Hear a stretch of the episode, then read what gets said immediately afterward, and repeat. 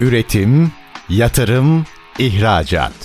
Üreten Türkiye'nin radyosu Endüstri Radyo sizin bulunduğunuz her yerde. Endüstri Radyo'yu arabada, bilgisayarda ve cep telefonunuzdan her yerde dinleyebilirsiniz. Endüstri Radyo.com Çetin Ünsal'ın hazırlayıp sunduğu İşte Bunu Konuşalım programı başlıyor.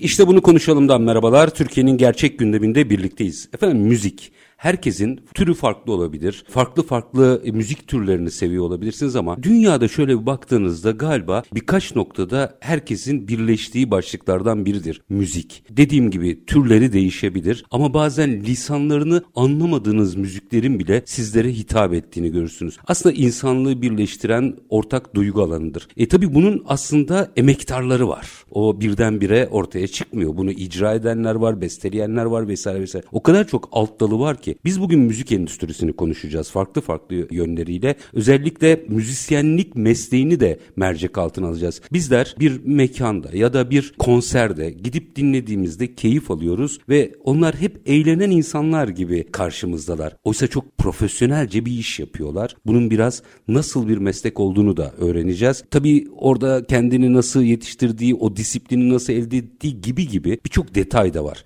Yani hiçbir meslekte olduğu gibi uzaktan göründüğü kadar kolay bir iş değil. Yetenek tamam ama yetenekle iş bitmiyor. Bugün tüm bunları konuşacağız. Çok kıymetli, keyifli de bir konumuz var. Müzisyen, solist Göknur Onur. Bugün işte bunu konuşalımın konu. Sayın Onur hoş geldiniz. Hoş bulduk merhabalar. Bilmiyorum dışarıdan hep öyle gözükür. Yani sahnedeki insan sanki böyle her şeyden arınmış ve keyifle şarkısını pembe bir söylüyor. hayat yaşıyor değil mi? değil mi? Halbuki sizler de bu hayatta yaşıyorsunuz. O mesleği profesyonelce yapmak için mesela birçok kişi belki ilgilenenler bilir ama biz o konseri dinleyene kadar sizler sabahın daha önceki saatlerinde gündüzün gelirsiniz aynı konserle ilgili bir daha çalışırsınız. provalar, çalışırsınız. provalar. Ya biraz bunu konuşalım mı? Bu müzisyen endüstriye geçeceğim ama önce Evet. bir meslekten başlayalım. Nasıl bir meslek müzisyenlik? Müzisyenlik gerçekten çok keyifli bir meslek ama ben önce şunu söylemek istiyorum. Müzisyen olabilmek için müzisyen doğmak gerekiyor. Yani bir takım donelere sahip olmak gerekiyor. İyi bir kulağa sahip olmak gerekiyor ve bunun eğitimini de almanın bence çok çok e, sanatçıya ve müzisyene faydası olduğunu düşünüyorum. Tabii alaylı arkadaşlarımız da var. Onlarda da çok yetenekli isimler çıkıyor. Ben önce kendimi bir küçük tanıtayım Lütfen. isterseniz. İsmim Göknur. Ben Yunan müziği yapıyorum. Yaklaşık 15 yıldır Yunan müziği ile haşır neşiriz. Ama kendim İTÜ Devlet Konservatuarı Ses Eğitimi bölümü mezunuyum. Okulda eğitimim Türk müziği üzerineydi. Türk sanat müziği eğitimi aldım. Fakat hasbelkader yabancı müziğe olan merakımdan dolayı beni yol e, Yunan müziğine itti. Az önce başta da söylemiş olduğunuz gibi aslında müziğin dili önemli değil kattığı ruh önemli. Bazen hiç anlamadığımız bir şarkıda bile çok değişik duygulara kapılabiliyoruz. Bu bağlamda müzisyen olabilmek, müzisyen doğabilmek gerçekten çok büyük bir şans bir kere. Bir de işin emek kısmı var. Tabii bir yerlere gelebilmek için, iyi müzik yapabilmek için çok çalışmak gerekiyor. Altın madeniniz var ama onu da bir İşlemek işlemeniz gerekiyor. gerekiyor. evet, aynen öyle. Tabii ki eğitim diyoruz. Her şeyin başında eğitim var. Eğitim bilerek yapmak. Yani bilerek o notanın nereye gideceğini ya da o akorlarla ne çıkabileceğini bilerek yapmak var. Bu anlamda sadece sanatçılar değil, dediğiniz gibi müzisyenler. Hatta bunun alt dalları var. İşte Tom Meisterler, ses mühendisleri, efendim sahne aldığımız zaman ışık mühendisleri. Tabii daha alt dallara da inmiyorum. Garsona kadar, valiye kadar giden. Tam sürü bir ekip çalışması ekip, tabii ki aslında. Kesinlikle. Yani küçücük bir mekanda bile hiç olmazsa 10 kişi 20 kişi müzik adına bir şeyler yapmaya çalışıyor. Çok ciddi ve büyük bir sektör aslında. Müzisyenlik ve müzik sektörü. Ya biraz meşakkatli. Mesela çoğu insan, yani ben sizleri de takip ettiğim için oradan bilirim. Mesela yazın hep gittiniz bir yerlerde işte sahne aldınız vesaire ama görüyorum mesela bir gece ertesi günü oraya gidiyorsunuz, oradan oraya gidiyorsunuz falan. Uçağı kaçırdı bir keresinde Evet ya. Hanım. Arabayla gitti gittiği yere En son falan. motosikletlerini Sonra aldılar. Gidiyorsunuz evet yani gidiyorsunuz gittiğiniz yerde daha akşam mesela normalde o kadar yolcunun üstüne gider insan dinlenir değil mi? Yok. Hayır bütün ekip toplanıyor. Evet. Akşamki performansı baştan sona geçiyor. Evet. Bir disiplin işi aslında. Tabii ki disiplin olmadan zaten iyi bir ürün çıkaramazsın. Hangi sektör olursa olsun bu böyle bir şey. Dediğiniz gibi ekiple oturuyoruz. Saatlerce provalar yapılıyor. Repertuarlar değiştiriliyor. Efendim işte hangi şarkıyla çıkılacak, hangi şarkıda hangi ışık yanacak, hangi şarkıda işte efektler verilecek, dumandı veya vesaire işte her organizasyonun farklı şeyleri var çünkü. Yani bunlar çok ciddi zaman alıyor. Bir de o arada koşturmalar dediğiniz gibi yani uçağa binmeler, işte karayoluyla ulaşmalar. Bazen ekip önceden gidiyor, biz sonra gidiyoruz. Yani çok ciddi bir iş aslında. Çok görüldüğü kadar kolay bir şey değil. Evet insanlar dışarıdan baktığında ay ne kadar renkli bir hayat. İşte sahnedesiniz ne güzel şarkı söylüyorsunuz, para kazanıyorsunuz gibi bakıyorlar ama çok o kadar da öyle değil. Bir de bütün ekibin sorumluluğu var. Yani evet. hep sahnede icrayı yapan konuşulur ama mesela iyi bir müzisyen grup galiba bir solistin olmazsa olmazı. Tabii ki. Demin bahsettiğiniz gibi iyi bir sesçi olmazsa olmazı. Burada tam bir tabii, endüstri tabii, var tabii. ve on, bun, biz bunları genellikle görmüyoruz. Mesela bizim en çok hani dikkat ettiğimiz nokta odur. İyi bir ekibin vardır, iyi bir solistsindir, çok güzel bir repertuar hazırlamışsındır ama gittiğin işte onu duyurabilecek bir tesisat ya da mühendis yoksa işin çok zordur. O gün o geceyi bitirmek o kadar zordur ki. Hani bunlar görünmez kahramanlar aslında. işin arka tarafındaki çok önemli, çok değerli insanlar. İşe giderken işin transferinden tutun da yani işte konaklamaya kadar birçok detay var. Birçok ciddi dediğim gibi büyük ekiplerle çalışıyoruz. Endüstriye biraz bizim de faydamız var herhalde müzisyen Peki, olarak. o endüstrinin içinde neler yaşanıyor onu da konuşacağız ama ilk önce şöyle bir bakayım. Bir iki dakikam var araya. Oraya gitmeden önce ben sahnede bunu icra edenlerin keşke her yönetici sahneye bir gece çıksa diye hayal ederim hep. Neden? Çünkü o sahnedeki insan o salondaki herkesle ilgileniyor. Evet. Yani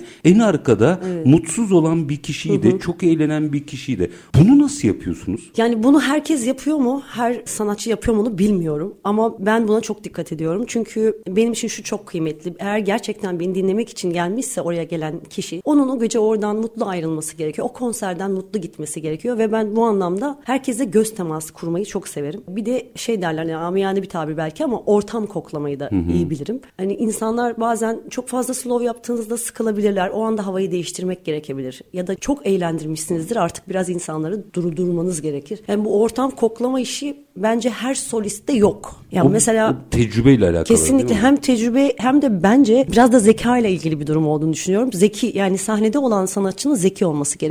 Gelen oradaki insanların mutlaka nabzını yoklaması gerekiyor. Ha, bu konserde değişiyor. Çok büyük e, kitleye hitap ediyorsunuz sonuçta. Konserde öyle bir şansınız yok ama daha butik işlerde işte bayi kurumsal işlerde veya mekan işlerinde bu çok önemli. Ama ben şirket içi eğitimlerde dedim ya keşke her yönetici bir gün çıksa sesi önemli yani kimse profesyonel değil ama bir solistin gözetiminde o salonu yönetmeyi bir denese e, acayip bir şey. Bütün bu profesyonelliği birazcık daha açacağım. Evet. Hatta belki okuldaki hayallerinizle sahadaki hayallerinizle mukayese edeceğim. Oradan da biraz endüstriyi konuşacağız ama minik bir araya gidelim. Tamam. Aranın ardından devam edelim. Efendim biz bugün müzik endüstrisini, müzisyenlik mesleğini konuşuyoruz. Aslında tam bir hani orada siz icra ederken görürsünüz ama maestro salondaki herkesi, ışığı, sesi, aklınıza gelebilecek bir el hareketiyle arkadaki müzisyen arkadaşıyla konuşmayı bir yönetim biçimi aslında. Minik bir ara, aranın ardından müzisyen solist Göknur Onur'la sohbetimiz devam edecek. Lütfen bizden ayrılmayın. Üretim, yatırım, ihracat. Üreten Türkiye'nin radyosu Endüstri Radyo sizin bulunduğunuz her yerde. Endüstri Radyo'yu arabada, bilgisayarda ve cep telefonunuzdan her yerde dinleyebilirsiniz endüstriradyo.com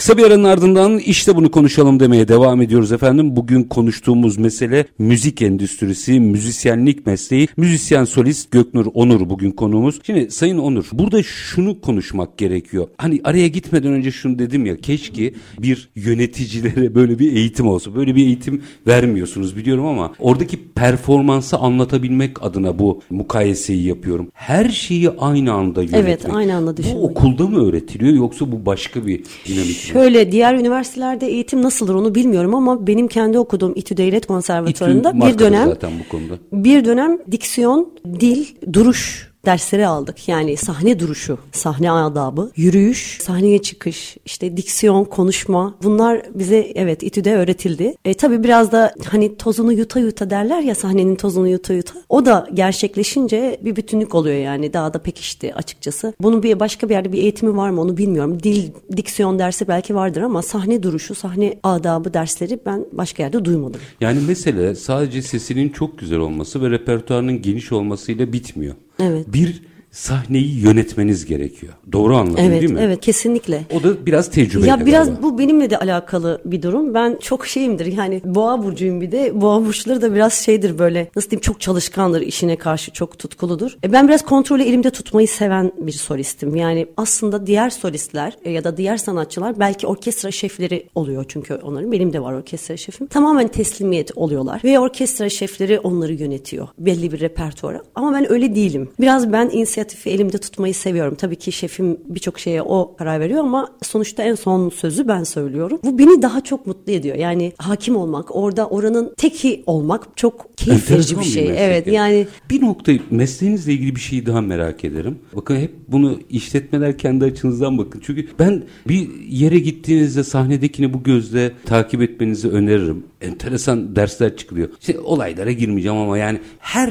mekanda bir kriz olur. En basitinden Aa, o şarkıyı sevmeyen olur. Şimdi hani detaya girmeyeyim rütük nedeniyle ama o krizi yönetmek de başlı başına bir iş. Mesela bu tip kriz anlarında nasıl davranmak gerekiyor? Siz ne yapıyorsunuz? mesela? Şimdi krizleri aslında şu kriz deyince birçok kriz şekli var. Yani tabii ben çok nadir rastladım ama büyük konserlerde kavgaların olduğu oluyor. Görüyoruz televizyonlarda da, mekanlarda da bunlar olabiliyor. Bazen dediğiniz gibi hanımefendi veya beyefendi bir şarkı istiyor ve sizin repertuarınızda olmuyor. Kim nitekim bu yüzden Bunların acıları bu yüzden acılarını yaşıyoruz ülkemizde maalesef. Yani çok çirkin şeyler bunlar. Ama o anda kriz yönetmek sizin elinizde aslında. Krizin durumuna göre eğer istenen bir şarkı bilinmiyorsa yerine başka bir şarkı okunarak belki güler yüzle kompanse edilebilir. Kavga veya itişme, kakışma herhangi bir ortam varsa o durumda da hiç müziği kesmeden devam ederek. Hmm, Çünkü tabii bir ekibiz ya orada. Çünkü işte güvenlikler gelip orada Olayı dışarı evet çıkarana kadar orada hiçbir şey yokmuş gibi devam etmek gerekiyor. O anda pat diye müziği kestiğimizde herkesin bakış açısı o tarafa dönecek ve olay belki daha da büyüyecek. Yani burada da biraz tecrübe gerektiriyor. Psikoloji de yönetiyor Evet, yani. Toplum kesinlikle. psikolojisi de yönetiyorsunuz. Evet kesinlikle öyle. orada. Müthiş bir şey. Bütün bunlar aslında evet yıllar içerisindeki tecrübeyle de biriken şeyler ama biraz eskiye götüreyim mi size? Olur. Okul yıllarına. Tabii. Okuldaki Göknur Onur nasıl bir meslek hayal ediyordu? O yıllar içerisinde nasıl evrildi vesaire bunu da dinlemek isterim açıkçası. Şimdi aslında benim ilk işim hemşirelik. Bunu biliyor muydunuz bilmiyorum ama. Biliyorum. Ben konservatuvarı hemşirelik yaparken okudum. Nöbetten çıkıp okula giderdim ve hocalar hep beni parmakla gösterirdi. Azim. Ne kadar hırslı, Çalışarak azimlisin. okuyanlardan yani. Evet çalışarak okuyanlardandım. E, Benim okuldayken tek idealim TRT solisti olmaktı. Ve bu anlamda da birçok yarışmalara katıldım. Türk Eğitim Vakfı'nın düzenlediği yarışmada derecem var. Ve TRT'nin de Genç Sesler adı altında yaptığı yarışmalarda da derecelerim oldu. Fakat TRT'ye girmek biraz o zamanlar bizim zamanımızda biraz zordu. Yani herkesi almıyorlardı. Bilmiyorum nedense kısmet herhalde biraz da. Ben de çok da zorlamadım. Sonra bir hevesim kaçtı benim TRT'den. Dedim ki ben piyasa o zamana kadar hiç piyasada çalışmadım. Yani hiçbir mekanda, hiçbir etkinlikte bulunmamıştım. Zaten bir gelirim vardı hemşirelikten dolayı. Sonra o TRT hevesim kaçtıktan sonra dediğiniz sorunun cevabı bu aslında. Hep TRT hedefimle gittim. Sonra beni kader böyle bir yola sürükledi ve Yunan müziği. Yani TRT'de Türk müziği okumak isteyen kadın şimdi Yunan müziği yapıyor, Yunanca yapıyor. Tabii bütün program Yunanca yapmıyoruz. Öyle Tabii. bir öyle bir şey mümkün değil. Ama onları yani çok ilginç değil mi? Yani nereden nereye gitmiş? Aslında TRT'de Türk sanat bir sanat müziği müziği, okumak okumak için, için, e, solist he- hedef tabii birinci sınıfta oydu hedef. Ama kader bizi buraya itti. Ben çok da memnunum açıkçası. Şu anda en azından 7-8 dilde şarkı söylüyorum. Artı bir de Türk müziği de söylüyorum. Zaten o, o vardı hep zaten. Benim için bence bir Dillerin avantaj. hepsini öğreniyor musunuz? Çok zor. Yani Yunancayı bile çok iyi bilmiyorum ama anlayabiliyorum, okuyabiliyorum, yazabiliyorum. Yani küçük derdimi anlatabiliyorum. Hani kabaca konuşabiliyorum. Yunanistan'a gittiğimde bir masada oturduğumuzda bir sipariş verebiliyorum en azından. Ha, Şeyi merak ediyorum şimdi bu kadar profesyonel bir işini yaparken o duyguyu nasıl veriyorsunuz? O çok önemli. Şöyle ilk başta bu müzeye başladığımda dil telaffuz ve şey e, anlam Mecburi. hocaları tutuldu benim için. İki sene üç sene Yunan dili gördüm, eğitim gördüm. O arada tabii ki kelimelerin tek tek anlamlarını, o şarkı sana ne anlatıyor? Bu şarkıda... Ha, şarkıları deşifre Tabii ediyorsunuz. tabii deşifre ettik şarkıları tek tek. Şu anda zaten artık kelimelerden kendimde ne anlattığını anlayabiliyorum yani. Şarkıları hiç sıkıntı olmuyor. Peki öğrenci Onur geldi TRT'den şimdi piyasaya geldi. Şimdi aslında belli bir kurumda çalışmak evet o endüstrinin bir parçasısınızdır ama Evet. biraz daha konfor alanıdır. Sahaya çıkmak yani gişe yapmak aslında gerçekten endüstride ne yaşandığını görmeyi de sağlıyor.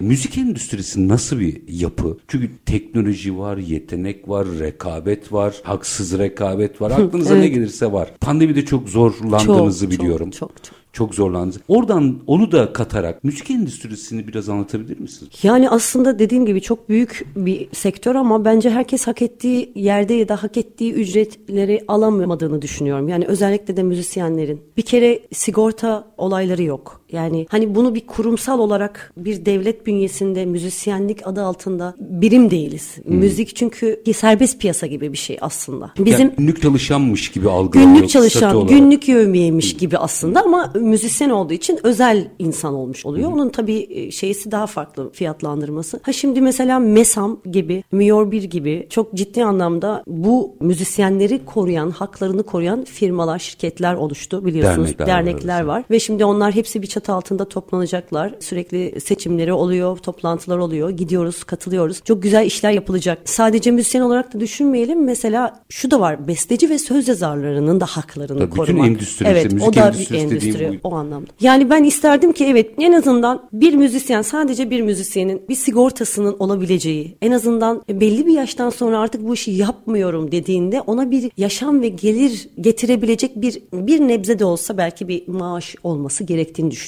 Çünkü Bu hep isteğe bağlı mıdır sigorta? Nasıl yürür orada iş? Mesela ben çok Yani şu an o konuda hiç hiçbir şey yok. Yani atıyorum işte sadece müzikle yaşayan insanların sigortalı olduğunu düşünmüyorum. Yani Özel ek- sigorta ek bir- yaptırmıyorsa- evet yani özel sigorta yaptırmıyorsa ek bir başka bir yerde çalışmıyorsa gündüz işi yapmıyorsa yok. Ama normalde mesela ben vergi mükellefiyim. Normal şartlarda benim onlara ödediğim paralarda onların da bana fatura kesmeleri gerekiyor. Ama çocukların böyle bir durumu yok. tabii E, şimdi aldıkları parayla bir de içinden KDV öderlerse zaten yövmiyeleri çok düşüyor ve kimse hiçbir müzisyen bunu Onlar istemiyor. genellikle götürü usulden ve- Evet. vergilendirilen Evet götürü olarak gidiyor. O yüzden aslında müzik sektörü çok muhteşem bir böyle ne diyeyim o kadar iyi değil. Bence hükümetin, devletin ya da işte ilgili makamların bunu bir düzene sokması gerekir. Çok açık bir piyasa. Kimi sanatçılar çok ciddi paralar kazanıyorlar. Kimi sanatçılar çok küçük paralar kazanıyorlar. Ama o çok ciddi para kazanan sanatçıya bakıyorsunuz. Sadece popüler olduğu için belki de o küçük para kazanan sanatçının onda bir yeteneğine sahip olmayan bir bayan ya da erkek Kaşesi yüksek. kaşesi yüksek bir adı var ama öteki tarafta hakikaten hak eden bir solist var. Hani çok yelpazesi açık ve karma karışık aslında yani sektörümüz. Pasta bunda- küçük, büyükleri zaten büyükler alıyor. Büyük payları büyükler alıyor. Küçükler de bence eziliyor diye düşünüyorum. Yani tabii ben bunu kendim için söylemiyorum çünkü ben sektörümde Tabii çok tabii. ayrı bir Evet, yerdeyim. evet, endüstri Ben- konuşuyoruz. Kişisel Evet, bir şey kişisel konuşmuyoruz bir şey burada. konuşmuyoruz. Çünkü hani sektör mensubu olarak şu anda sizi ağırlıyorum.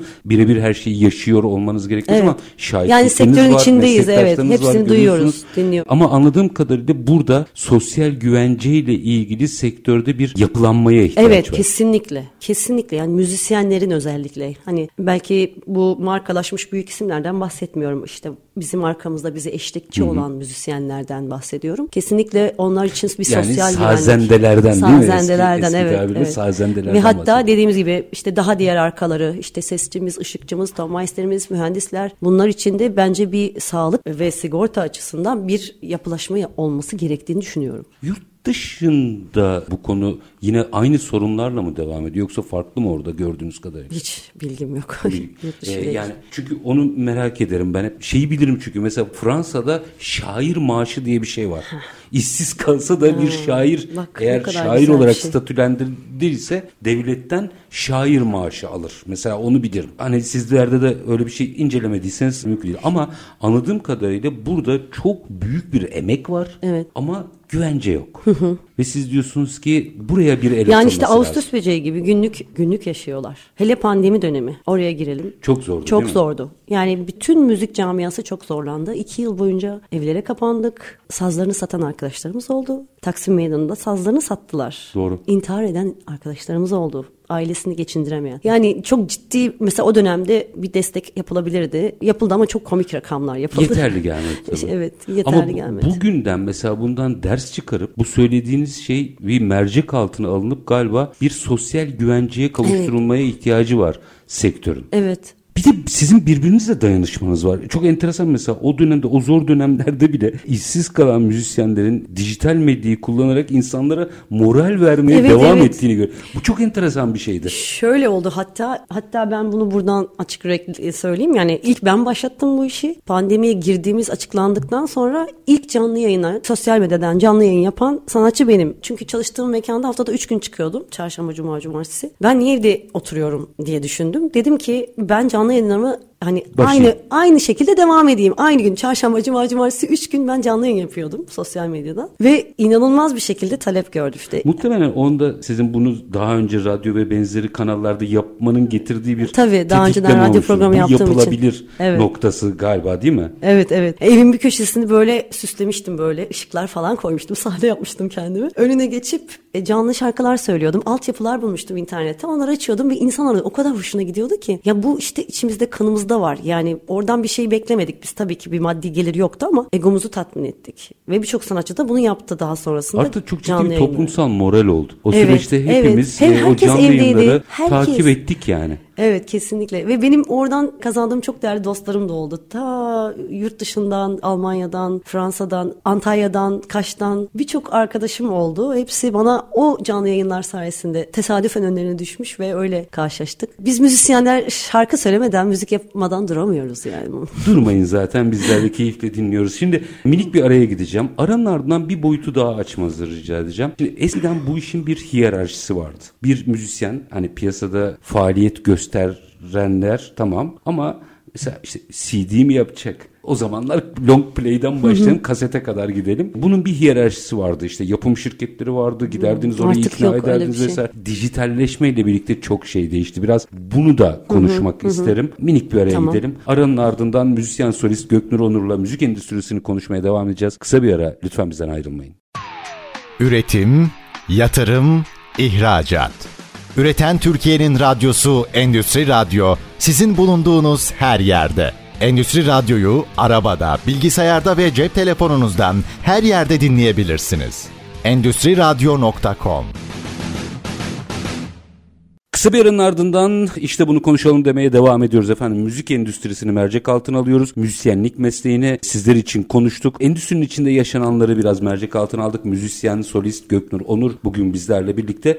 Geldik dijitalleşmeye. Evet. Biraz bunu konuşalım. Çünkü sanki orada işi icra edenleri çok güçlendirdi. Eskiden bir prodüktörün neredeyse iki dudağın arasında ve onun zevkine uygun veya kriterlerine uygun bir yolculuk varken galiba dijitalleşme birçok şeyi değiştirdi. Evet. Biraz açalım mı?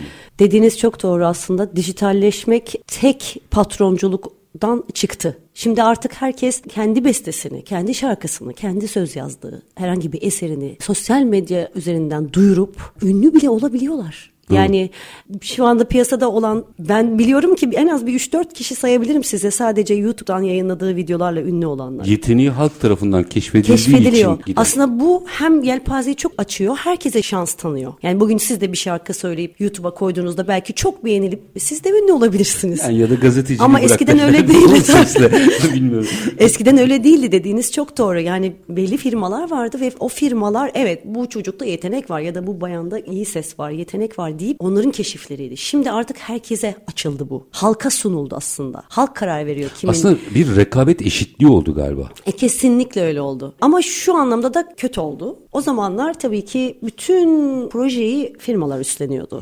İşte şarkılar bulunuyordu. O zamanki en iyi bestecilerden hiç parası önemli değil. Çünkü her şey firma karşılıyordu. Klipler çekiliyordu, işte aranjeler yapılıyordu falan filan. Şimdi her şey sanatçıda. Yani bunu yapmak isteyen kişi bütün gider kısmını kendisi Aynı zamanda yapımcısı zorunda. haline geliyor Evet, yani kendi şimdi. kendinin yapımcısı oldu artık sanatçılar. Şu anda hiçbir firma çok nadir belki hani hiçbir firmada demeyelim birkaç firma dışında yapımcı olan firma yok gibi görünüyor. Her sanatçı kendi bestesini buluyor, kendi şarkısını kliplendiriyor ve yayınlıyor. Tabii bu anlamda iyi mi kötü mü o kısmını çok aslında nasıl diyeyim yani o kadar çok sanatçı da çok fazla bölünmeye başladı. Bu sefer sosyal medyacınız olması gerekiyor. İşte menajeriniz ayrı her şeyi siz patron sizsiniz çünkü üreten de sizsiniz, ürün de sizsiniz. Yani her şey tek sanatçı. Bu klip dahil bütün Tabii, masraf tabii. sanatçıya Tabii, kalıyor değil tabii. mi? İşte ben mesela iki hafta, üç hafta önce yeni şarkımı çıkardım. Sadece gittim firmaya anlaşma yaptım. Onda da işte belli şartlar üzerinde Hmm. anlaşmalar yapılıyor. İşte artık şeye bakılıyor. Yani CD basmak yok. Dijitalde tıklanma, işte download. Onlara bakılıyor. Yani hatta download bile yok yani. Artık biliyorsunuz bazı programlar var bedava Aynen öyle, açıyoruz. tabii. Şarkı dinliyoruz, playlist yapıyoruz, aylık üyelik veriyoruz. Bunlar üzerine yürüdü ve ben firmadan hiç bir kuruş dahi bir şey almadım. Şeye mi dönüyor Her şeyi biraz? kendim karşıladım. Eskiden de mesela çok fazla kazanılmayabilirdi. Ama o işte konserleri tetiklerdi, iş tetiklerdi Evet, yani. evet. Şimdi de hala sistem aynı galiba değil mi? Tabii tabii. İşi Yani, tetikliyor. tabii ki tetikliyor. Yeni bir proje her zaman işi de tetikler. Çok ses getiren projelerde tıklanmadan çok ciddi rakamlar alan sanatçılar var. Milyon milyon milyon tıklanınca oradan bir getirisi de oluyor tabii ki. İşi de tetikliyor. Hani ben varım, ben hala buradayım, üretiyorum, yine şarkılar yapıyorum, yine söylüyorum demek oluyor bir, bir anlamda da. Yani bence sanatçıların her zaman yeni şeyler yapması lazım zaten. Ki eskiden de işte bir long play çıkarıldığında dur o kadar eski gittim. Kaset çıkarıldığında en azından bari kaset gideyim. Daha da kötü duruma düşmeyeyim yaş olarak. Kaset çıkarıldığında şey o mesela bir sene iki sene onunla aslında konserler verilirdi. Sanatçı müzisyen galiba oradan asıl parayı kazanırdı.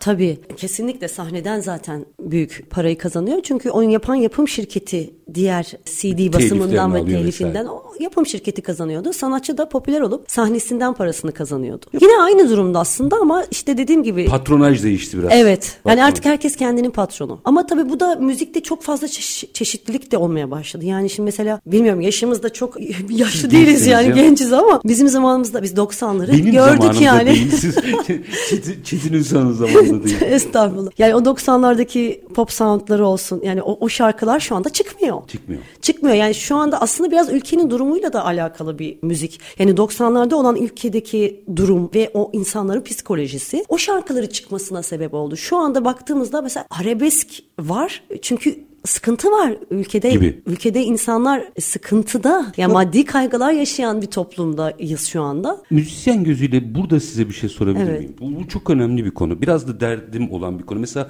birçok sanatçının sahnede siz de yaşıyorsunuzdur. Sizde yeni şarkılar çıkıyor biliyorum ben takip ediyorum ama mesela çok cover yaptıklarını görüyoruz. 60'ların, 70'lerin parçaları geliyor falan. Üretimde mi bir sıkıntı var? Hayır, tamamen- geçenlerde bir örnek anlatayım. Otogarda bir şey açıktı. Müzik kanalı diyelim. Eskiden İnsanlar bir şarkıda sevdiği bir annesi olur, sevdiği olur ve böyle bir övgü dolu, biraz onu onure eden sözlerle, böyle naif müziklerle bir şeyler anlatırken şimdi sürekli atarlı giderli Evet kesinlikle. melodi. Bu başka bir ruh hali. Yani şöyle Ben mi anlamıyorum Ke- bilmiyorum. Kesinlikle belki de. yani yeni çıkan yeni jenerasyon diyelim daha doğrusu yeni jenerasyon bu tarz şarkıları tercih ediyor, seviyor. Sözlerde küfürler de var. Sözler içerisinde. Yani bunlar nasıl rütükten geçiyor ben de bilmiyorum. Hatta bir kız vardı. Kızı sürdüler falan ülkeden Hı, çıkardılar. tabii, tabii. Yani çok ciddi küfürler, küfürlü şarkılar ve Ya hep böyle bir gider. bu işe yarardı aslında. Evet yani. hep bir gider, kontrol hep bir mekanizmasıydı. yani o kadar değişik ki çocukların psikolojisi. Ben bakıyorum şimdi bu şarkıları bu çocuklar bunlarla büyüyorlar. Bizim büyüdüğümüz şarkılarda sevgi vardı, aşk vardı. İşte biz domates, biber, patlıcan mı büyüdük tabii, tabii. ya? Biz Sürekli ben ben ben işte beni kaybettin Evet. sen öldün falan yani şimdi bunu da egzajere ediyorum tabii böyle bir şey yok da biraz toplumsal olarak bencilleştiğimizi de anlatıyor sanki şarkılar. Kesinlikle öyle. Bir de şey de görüyorum ben yani bilmiyorum ne kadar doğrudur. Biraz böyle hani ezilmiş toplum var işte sıkıntı çeken toplum yeni nesil biraz da asi biraz dik başlı. Hani onu da yaparız asarız keseriz edasında bir gençlik görüyorum. Yeni şarkılara bakıldığı zaman. E, ve bunu da daha modernize etmek için işte altyapıları daha R&B daha böyle soundlar daha böyle batıya benziyor ama üstteki sözü dinlediğinizde sanki adam konuşur gibi şarkı söylüyor Ya ama mesela ben bunu üstteki şarkı arabesk. Yani Türk arabesk sanat kokuyor. müziği eğitimi almış, Türk müziği eğitimi almış bir ses sanatçısının nasıl yorumladığını merak ederim. Yani siz mesela o parçalardan bir tanesini okuyabilir misiniz? Yok okuyamam. İmkansız okuyamam. E, ya tabii ki bu benim tarzım. Ben kendim açımsından O söylüyorum ayrı. ya. Ben yapanları da eleştirmiyorum. eleştirmiyorum. Ben de eleştirmiyorum Sadece kesinlikle. toplumsal bir naifliğimiz mi kayboldu kayboldu. Müzik sanki bunu bize anlatıyor gibi Kesinlikle geldi. öyle. Çok haklısınız. Yani o o zarafet eskisi gibi değil. O 90'larda işte 2000'ler başında. O oradaki yazılan sözler, o şarkıların melodileri, yapılan besteler çok daha farklıydı. O zamanki kitle de çok farklıydı. Tabii. Yani ben ilk bu işe başladığım zamanlarda spor ayakkabısıyla gelen bir kişi görmedim hiçbir çalıştığım mekanda. Herkes takım elbiseyle, herkes üstüruplu, kıyafetine dikkat eden çok saygın beyefendiler, hanımefendiler geliyordu. Şimdi şimdilerde artık Biraz aynı çok, şeylerden tiyatrocular da muzdarip. Evet, çok Bu tabii o çok rahatlık var, o- fazla rahatlık. Oraya bir saygı aslında yani yoksa kimse sizin takım elbiseyle gitmenizi Aynen beklemiyor. öyle. Yapılan işe bir saygıyla alakalı galiba. Kesinlikle öyle. Biz mi çok eskidik acaba? Yok, yok ya, bence- Yeni nesil diyorlar Ee, bunlar ne konuşuyor acaba? Ya Biz, be- biz memnunuz. bilmiyorum ama şu anda bence bizi dinleyen birçok kişinin de aynı duyguları yaşadığına eminim. Çünkü aynı zamanda bir müzik dediğimiz şey toplumları motive eden, Kesinlikle. Birleştirici müzik. birleştiren yapılardır. O yüzden belki müzik endüstrisinin bunları daha çok tartışması gerekiyor. Yani açıkçası ben kendi şahsıma şöyle söyleyeyim. Yani ay bu şarkı çok tutar ya. Sen bunu okursan muhteşem olur diye önüme konan bir şarkıyı bana uygun değilse ben onu okuyamam. Benim çünkü bir tarzım var. Benim müzikte müzik geçmişim var. Ama yapanlara da hiçbir şeyim yok. O Bazı ayrı. şarkılar hoş da oluyor. Yani kulağa da güzel gelen çok güzel melodili şarkılar da yapıyor yeni nesil ama biraz daha sözlere bence daha dikkat edilmeli yani. Peki endüstriyle ilgili tam da bu noktada bir şey soracağım bununla alakalı. Hala hazırda bu işi icra edenlerin içlerinde mesela iyi çıkanlar oluyor ve onları hepimiz bir şekilde tanıyoruz ama çok fazla ama çok az. Böyle bir durum var. Yani nasıl diyeyim? Çok fazla şarkı söyleyen oldu endüstride ama çok az kişi akılda kalır hale geldi.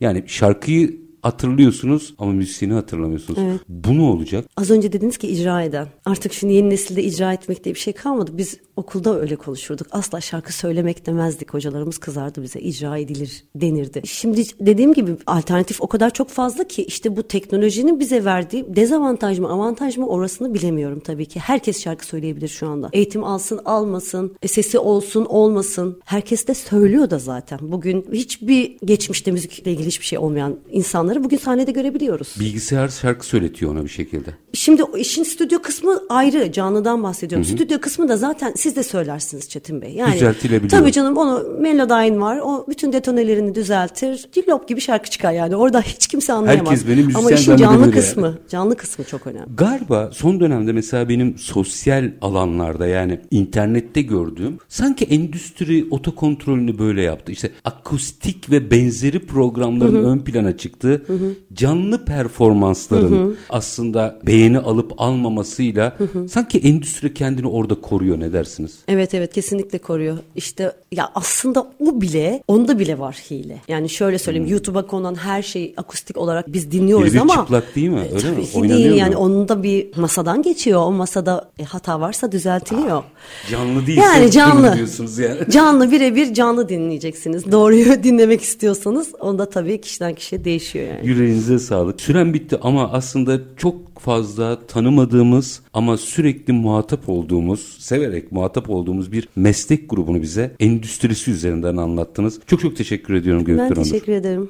Çok keyifliydi. Sizle Bizler birlikte olmak, öyle. söyleşi yapmak. Var olunuz efendim. Çok sağ olun. Efendim bir- bugün işte bunu konuşalım da müzik endüstrisini, endüstrinin içinde yaşananları, müzisyenlik mesleğini, bakın şarkıcılık demiyorum, müzisyenlik mesleğini icra edenle onu sadece sesiyle değil, enstrümanıyla vesaire ki Sayın Onur çok daha güzel açtı bence. Oradaki sesçisinden ışıkçısına kadar hepsi o aslında performansın bir parçası. Böyle bakmak lazım. Biz sizler için biraz bu alana işte bunu konuşalım yaptık. Müzisyen, solist Göknur Onur bugünkü konuğumuzdu. Biz her zamanki bitirelim. İşinizi konuşun, işinizle konuşun. Sonra gelin işte bunu konuşalım. Hoşçakalın efendim.